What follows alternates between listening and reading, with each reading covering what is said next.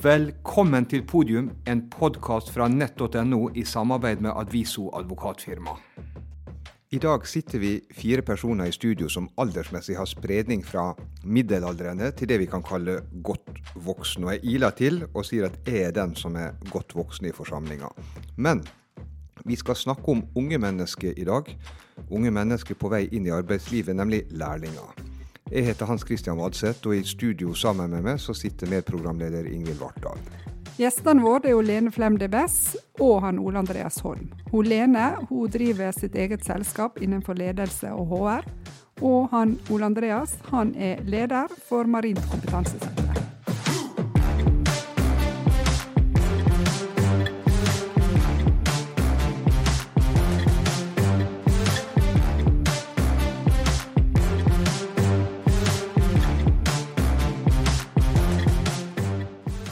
Har lyst til å spørre deg først, Ole Andreas. Jeg, jeg tror du har ca. en og en halv hatt på deg når du sitter her. Du er jo da leder for Marint kompetansesenter, som også er et opplæringskontor. Men så er du også noe som heter Forum for yrkesfag, som gjelder for hele fylket. Men kanskje du bare setter sånn lærlingesystemet litt inn i sammenheng her? Det skal jeg gjøre. I Møre og Romsdal har vi 24 opplæringskontor som er organisert i FFI, Forum for yrkesfag. Vi er en del av det, og dere sitter i styret også. Så i dag så vil jeg gjerne snakke for hele FFI, hele Møre og Romsdal, angående lærlinger. Men hvis jeg har forstått riktig, så er det sånn at noen fagfelt eller bransjer, der er det lett å rekruttere lærlinger. Andre plasser er det litt tyngre. Hvordan er den fordelinga? Ja, Fordelinga er jo vanskelig å si, da, men uh, dette er jo konjunkturbasert uh, også. Um, det er jo bare et visst antall ungdommer, sant? og fødselstallene er rimelig stabile. og sånne ting, Så vi slåss egentlig om uh, den samme ungdommen for å få, få, dem inn i vår nisje eller bransje. da. Men er det færre ungdommer som er tilgjengelige for å bli lærlinger enn det næringslivet trenger? Både ja og nei. I Møre og Romsdal så er vi i den situasjonen at 59% av ungdommen velger yrkesfag kontra studiespesialisering. Og det er ganske høyt. Det er det høyeste på landsbasis. Um, ungdommen uh, Jeg vet ikke. Det går jo litt tilbake til våre foreldre og rådgivninga du får rundt kjøkkenbordet. og tenker noe er det. Men det vi ser, i hvert fall når vi er rundt og snakker med ungdommen, den veit altfor lite hva som finnes i vårt uh, område eller i vår region. Da. Hva muligheter Eh, som er der, og hva næringslivet egentlig trenger også. Men, men Lene, la oss snakke litt om det. Du, du har jo vært både jobba i Ekornes og du har jobba i Optimar. Eh, hvordan jobba dere med, med lærlinger i, i de virksomhetene da du var der? Lærlinger var jo en viktig del eh, av eh, rekrutteringa til begge disse selskapene. Har hatt en stor andel lærlinger. Eh, og man så jo at man jobba jo eh, kontinuerlig tett med opplæringskontoret eh, og kontorer for å få tak i de rette ressursene. Eh, hadde de inne. Eh, eh, det var også en god sånn opplæring for de ansatte i organisasjonen. Det kom jo inn med ny kunnskap. Eh, det at du får lov å være mentor for en eh, lærling, gir det god opplæring også sjøl. Eh, og vi så jo at det, mange vokste jo også på å ta den, ta, ta den rolla i bedrifter, da. Um, og så er jo det en god del av disse lærlingene. De tar jo ferdig fagbrevet sitt. Eh, og en del går da kanskje gjerne rett inn i eh, den bedrifta eller gå videre til annen bedrift. Eller gå videre på enten fagskole eller uh, universitet, høyskole. Um, og da vil jo de bli arbeidstakere kanskje på et senere tidspunkt. Så en viktig rekrutteringsarena. Nå, nå vet ikke jeg hva samtaler dere har rundt middagsbordene i, i, deres familie, men, men, det som han, Ole Andreas var, var innom, dette med holdningene til det, den praktiske yrka versus den teoretiske utdannelsen. Eh, hvem er det som har si, et, et, ansvar for, eh, for å, å, løfte frem verdien av håndverksutdannelse, de, de praktiske fagene? Vi ser jo det at det både foreldre og besteforeldre og generasjonene rundt eh, har jo en sterk påvirkning. Eh, og du trenger forbilder for, for hva du skal velge. Gjerne når du sitter der og er 15-16 år, så er jo ikke det nødvendigvis sånn at du vet hva framtida di skal bringe. Så det, gode rådgivere er absolutt viktig. Så jeg, jeg tror nok også at vi, vi, som voksne da, skal gå også litt i oss sjøl. Eh, ikke bare rådgi innenfor det vi vi valgte den gang, men eh, også se på hva er behovet for næringslivet i denne regionen vi bor i. Og oppmuntre til å få eh, gode jobber i kanskje nye typer næring også. Og det tenker jeg også, det med rådgivere. Rådgivere på ungdomsskolen, hva vet de? Altså, de har kanskje gjerne en halv dag i uka der de skal gjennomføre rådgiverarbeid. Og det opplever vi ofte som en flaskehals. De vet altfor lite. Og de har ingen informasjon fra næringslivet hva de trenger heller. Så det er også en viktig jobb som vi eh, fokuserer veldig på. Da. Både med rådgiversamlinger og prøve å informere dem om de muligheter og valgene som er i regionen. Men i forhold til det, slags, er, det, er det noen mekanismer som gjør at næringslivet sjøl tar ansvar for å spre den eh, behovet og kunnskapen om hva de trenger? Eller er det først når de trenger lærlingene at de kommer på banen? Altså, hva gjør næringslivet for å, å få tilstrekkelig kunnskap? Jo, der er jo nå en god del bedrifter som er veldig flinke til å invitere inn både ungdomsskoleelever, videregående elever, inn og synliggjøre hva er det vi, eh, vi kan bidra med. Eh, stimulere, spesielt på tekniske eh, fag, har det vært en god del eh, eh, initiativ på også.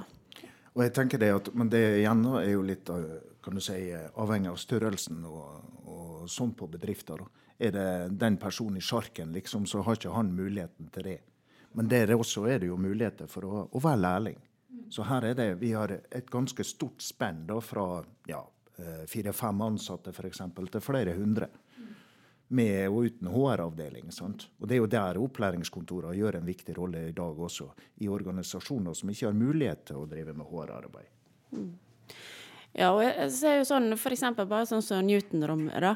Eh, inne på NMK. Det også er jo sånne viktige element for å synliggjøre hva er det som beveger seg. Hva er det nye? Sant? Vi ser jo spesielt på IKT, ingeniørfag og ingeniørretninger, da, eh, så er det stor mangel. Mm. Og det er jo det med ja, Newton-rommet, men også vitensenter og den der eh, type kan du si, aktivitet for ungdom også, som kan være med å pirre nysgjerrigheter. sant? Nå har vi jo visningssenter f.eks. på Atlanterhavsparken, som viser kan du si, hva som skjer i akvakulturnæringa osv. Så, videre, og så, videre. så det, det, er mange initiativ, og alt går egentlig mot rekruttering. Men altså med, med litt, nå, nå, nå, skal dere skjønne at jeg er en gammel mann, for nå kommer jeg med litt fordommer. Da, da, jeg var på den alderen, altså ungdomsskole, videregående, så var det et veldig tydelig skille mellom dem som var praktikere, og dem som var teoretikere. Og så var det liksom ulike veier. Men nå når alle skal inn i på en måte et, et videregående system, eh, har det liksom løfta si, altså, anseelsen til det teoretiske på bekostning av den praktiske fagene?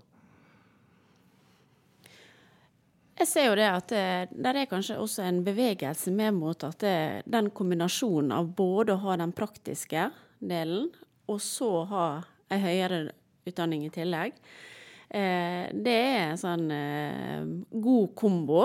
Eh, og så skal ikke vi glemme det at eh, der er også en, en del ungdommer som kanskje ikke eh, bør ta den høyere utdannelsen, men eh, er god arbeidskraft på de praktiske fagene. Jeg tror det er et godt poeng det du sier der, Lene, som også har hørt klienter som har jobba i næringa på Sunnmøre i mange år. Så var det en godt voksen mann som sa det at det, det er veldig enkelt å se hvem som har tegna et produkt.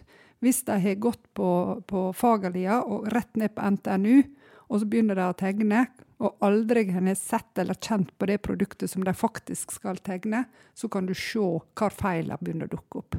Og Det er noe å ta med seg i utdanningsløpet, og at en kanskje uansett blir introdusert for den praktiske delen, om, selv om studiet er teoretisk. Men da er det litt annen følelse, men det vil på en måte kanskje smitte litt over på den verdien av det praktiske. Ja, helt klart. Det er jo de beste ingeniørene også, som vi sier. De som gjerne har et uh, fagbrev, og så går videre etterpå.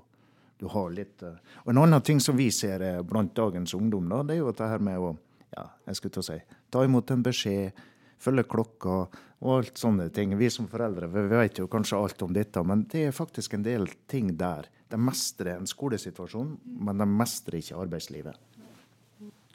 Ja, og det, det, tror jeg er et godt poeng. Da, for vi, vi, skal ikke glemme det at når de kommer ut også i bedriftene da, som lærling, så er jo det gjerne førstejobben deres. Eh, de er vant til å eh, være styrt av eh, gjerne foreldre som passer på at de har med både det ene og det andre. Og så skal de plutselig greie seg sjøl på et helt annet nivå.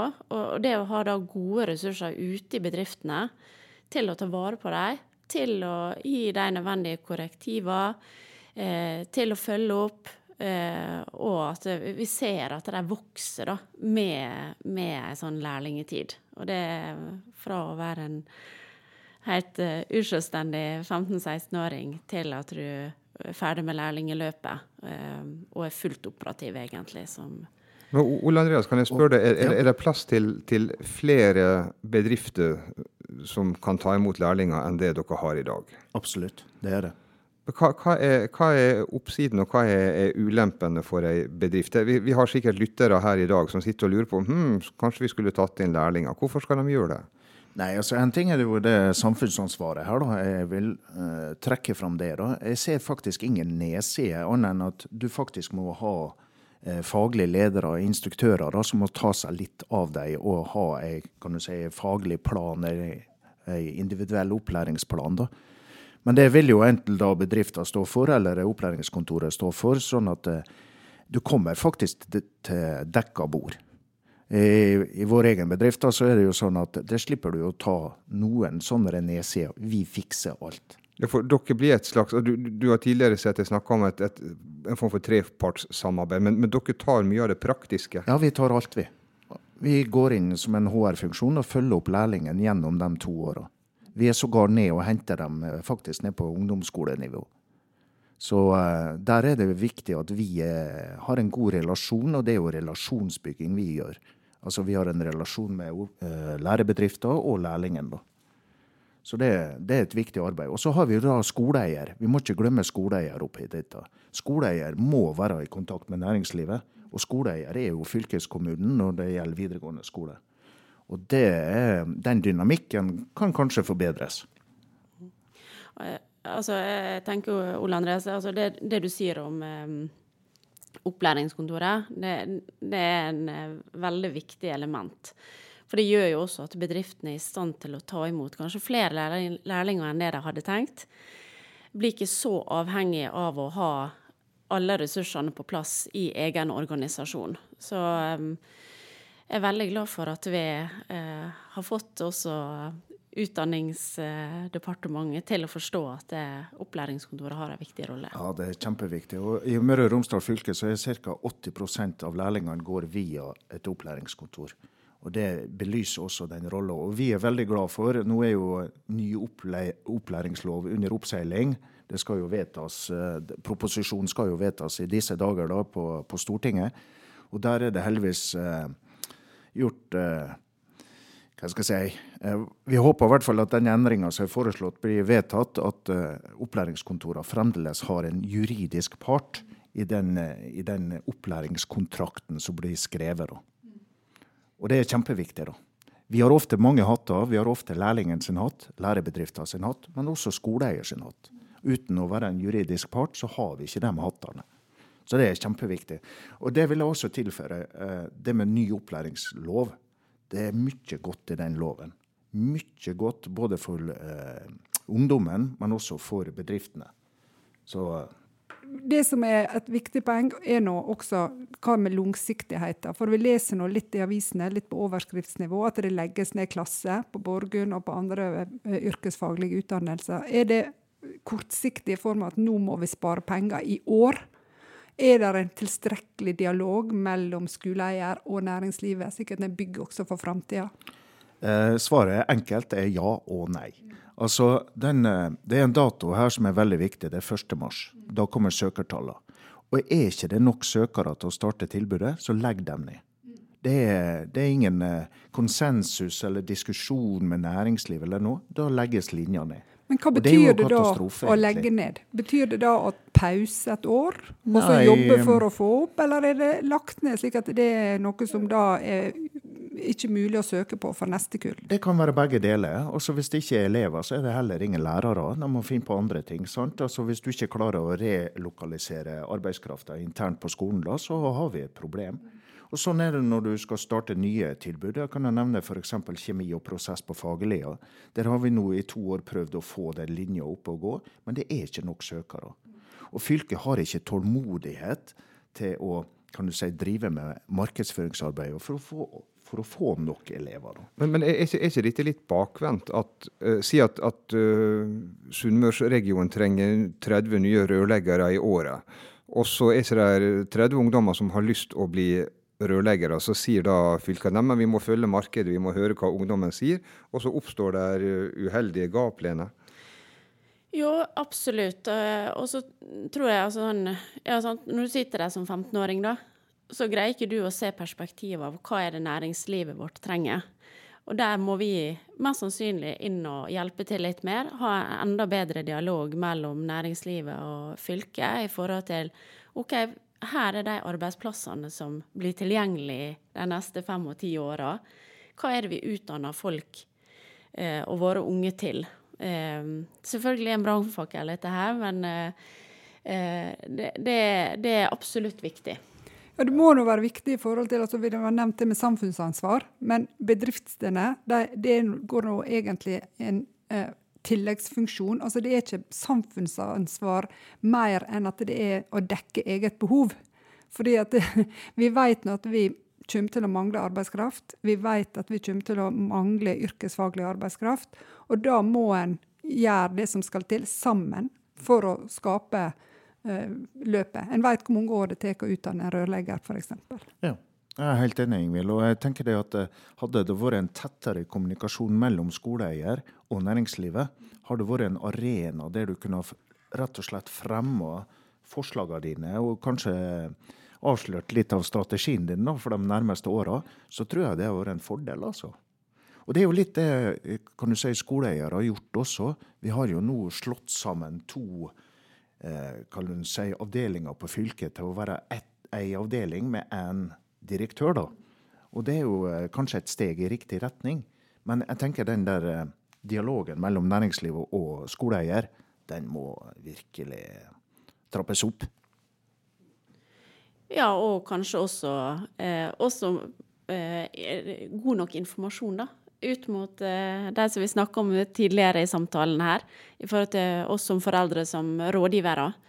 At vi også ser at det, OK, men det er faktisk Vi, vi bør gi gode råd, eh, og de rådene bør også komme fra næringslivet eh, i regionen vår. Absolutt. Også det med informasjon og eh, Jeg bruker å kalle det folkeopplysning.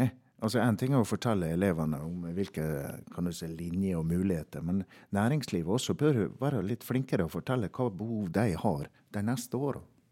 Men eh, hva med jenter og yrkesfag? Hvordan eh, ligger vi an der? Dessverre så er det litt for liten andel, eh, i hvert fall innenfor den marine næring. da. Generelt så er, ser vi jo en økende trend. Det er det, men langt ifra stor nok. Men er det fordommer der, i forhold til at det er mannsdominerte miljø? Og Ja, det er er dessverre. Ja. Det er det også. Eh, hvis jeg snakker for eh, det marine, da, så Vi har altfor få jenter, det er mange fordommer. Men likevel så ser vi den trenden som jeg nevnte, da. Den er økende. Og mange bedriftseiere og redere er jo veldig flinke til å legge til rette. Men så er det igjen bedrifter da, der eh, forholdene ikke er tilrettelagt. Altså, da tenker jeg på lugarer og dusjmuligheter, garderobe. og Da er vi inne på sånne enkle ting da, som setter faktisk en stopper. Ja, og der tror jeg også dette her med vi er nødt til å få inn flere, eh, sånn at vi skaper også gode forbilder. Fordi at eh, med en gang vi får inn litt flere kvinner i de ulike delene, og det har vi jobba litt med i, i fiskerinæringa, sett på liksom, hva tiltak kan man gjøre for å stimulere. Og, og da er disse her gode forbilder. Og så er jeg helt enig med deg. Der er faktisk mange gode arbeidsgivere nå som har fokus på det. Og så tror jeg også kanskje den teknologiske utviklinga med enda større grad av automatisering.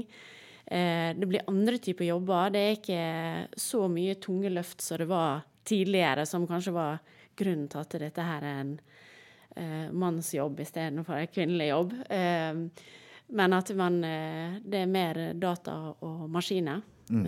Ja, det er helt klart, og det ser vi også. Også I den konteksten da så står jo folk lengre i sin jobb også. Det er enklere jobber, det er greiere jobber, og det, det, det er, enklere forhold. da. Mm, absolutt. Jeg sjøl hadde nå gleden av å snakke med en kvinnelig elektrikerlæring for litt siden. Det var veldig interessant og fortalte om hverdagen sin, og også utfordringene med å faktisk begynne på et sånt type studie. Men det hun kunne fortelle, det var det at eh, siste undersøkelser viste at eh, det var veldig god kvalitet på jentene sitt arbeid, for de var litt mer nøye, slik at en eh, viste uh, en god, uh, god tydelig progresjon for når det var jenter som var lærlinger. Jeg har gjentatt dette en gang før, og da var det to menn som angrep meg. Men jeg syns det er viktig å ta med seg at det, der er kvalifikasjoner som kan være litt forskjellige. Jeg har lyst til å skyte inn en historie der vi hadde en faglig leder. Han skulle få to lærlinger. Og da kom det et tungt hjertesykk. Og man da begynner å se på opplæringsboka, for de er veldig flinke. De er veldig sånn eh, De gjør ting skikkelig. Skjønner du? Altså, de tar opplæringsplaner og gjør henne til punkt og prikke. Og da var han liksom, Det var et hjertesukk. Da måtte han også da virkelig legge seg i selen for å oppfylle de forventningene de to kvinnelige lærlingene hadde. Så jeg tenker det er kjempebra. Ja. Eh, vi, vi, begynner å nærme oss uh, slutten, men jeg har lyst å stille et spørsmål til slutt. Hva trenger lærlinger for, fra næringslivet for å få et maks utbytte av et lærlingeløp? Jeg tenker det altså En ting er ordna forhold og sånne ting, men en god kompetanseplan, altså en IOP som vi kaller det, en individuell opplæringsplan, det er kjempeviktig. Tydelige mål, tydelige forventningsavklaringer. Ja, og så tenker jeg også det å bli godt integrert i bedrifter, det å være en del av et team, det å bli tatt med som eh, en viktig ressurs. Og så ser vi det på liksom, denne her kompetansepyramidene, at eh, man kan ofte snu det opp ned. og, og at det, disse unge kommer inn med en kompetanse. Vi snakker livslang læring. Um, så um, ja. Og en trygghet, rett og slett. Og så får du jo dem som er instruktører og faglige ledere, en mulighet til å skjerpe seg også. Det er jo vinn-vinn. Og det er jo bra for oss som er godt voksne at det er alltid rom for skjerping. Tusen takk for at dere kom i studio, Lene og Ole Andreas.